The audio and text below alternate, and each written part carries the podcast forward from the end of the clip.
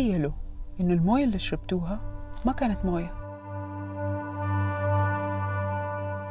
لا لا مو ده موضوعنا. الفكرة إنه دائما في كلامنا نقول تخيل إنه صار معايا كذا وكذا بس ولا واحد فينا بيتخيل فعليا لأنها مجرد محاولة تعبير لإيصال المشهد أو الفكرة. لذلك تعالوا فعلا نتخيل سوا.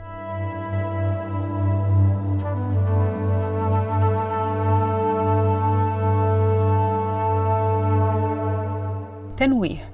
إذا كنتم بتسمعوا هذا البودكاست أثناء قيادتكم للسيارة فأتمنى ما تشاركون التجربة الآن.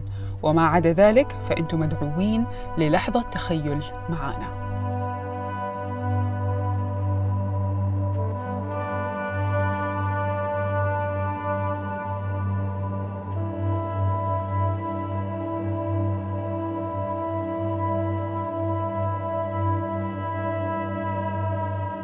غمضوا عيونكم وتعالوا نتخيل مزهرية الورود اللي فيها ست ورود حمراء.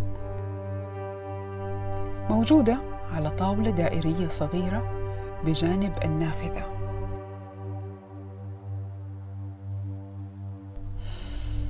خذوا نفس واستمتعوا بريحتها الجميلة.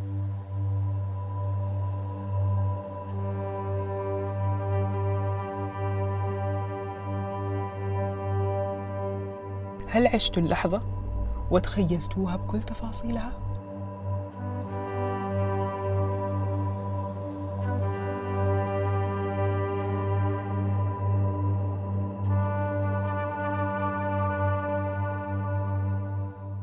أهلا وسهلا بكم هذه هي الحلقة الأولى من بودكاست عين العقل اللي راح أقدم لكم هو أنا ميساء العمودي وأستضيف فيه نخبة متنوعة من المتخصصين في العلاجات النفسية والروحية واللي راح يجتهدوا كثير عشان يوصلوا لكم خبرتهم باللغة العربية. فاهلا بكم.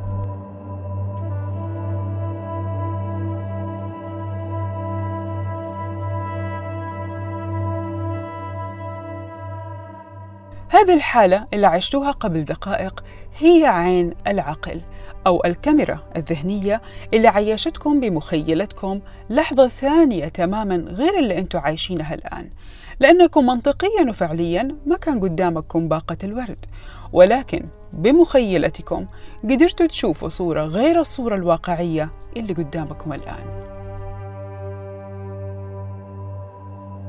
صورة كل واحد فينا يشوفها بطريقته ومننا اللي ما يقدر يشوفها تماما. نعم في ناس ما يقدروا يشوفوا بعين عقلهم أو بمعنى آخر ما يقدروا يتخيلوا ويشوفوا صور في مخيلتهم. وهذه حالة طبيعية تسمى الأفنتازيا وهي كلمة من أصل يوناني بمعنى بدون فانتازيا أو بدون مخيلة لأن الأي معناتها بدون أفنتازيا وعكسها ال hyperphantasia أو فرط الخيال. وطبعا في ناس ما عندهم لا دي ولا دي مجرد عين عقل تلتقط وتشوف. يمكن أنا واحدة منهم.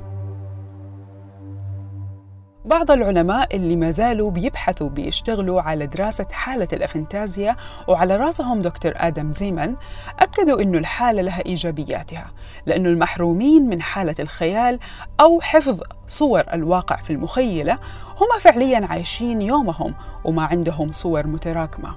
زينا إحنا اللي مخزون الخيال والأفكار عامل أفلام طويلة داخل عيون عقولنا. بس على فكرة خيالاتنا ورؤيتنا والتقاط وقدرات عيون عقولنا مختلفة عن بعضنا البعض. بمعنى درجات وضوح الصور في مخيلتنا مختلفة.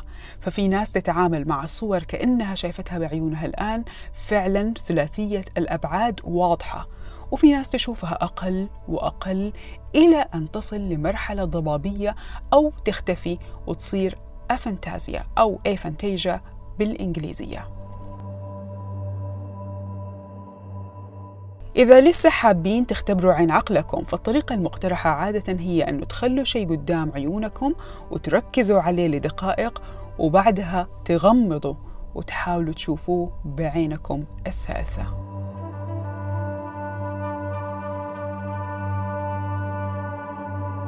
الآن وبعد ما تأكدتوا إنه عين عقلكم نشطة بإمكانكم تتأكدوا كمان إنه في مخزون كبير داخل عقلكم.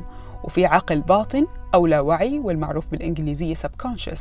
هذا العقل الباطن مليان بالملفات اللي ما أغلقت لم تغلق ومنها قاعدين نشوف أشياء ونكرر تصرفاتنا ونوقع في مواقف متكررة ونقلق ونكتئب لأن الأفكار قاعدة تأخذنا يمين ويسار زي ما دايما نقول.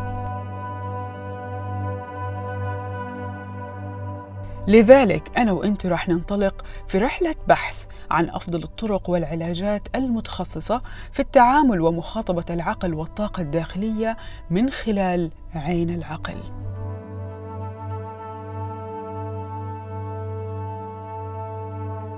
أتمنى إنها تكون رحلة مفيدة لنا جميعا ودائما طبعا أرحب بأسئلتكم واقتراحاتكم من خلال حساباتي في مواقع التواصل الاجتماعي أو موقع الشخصي ميسا دوت سي أو.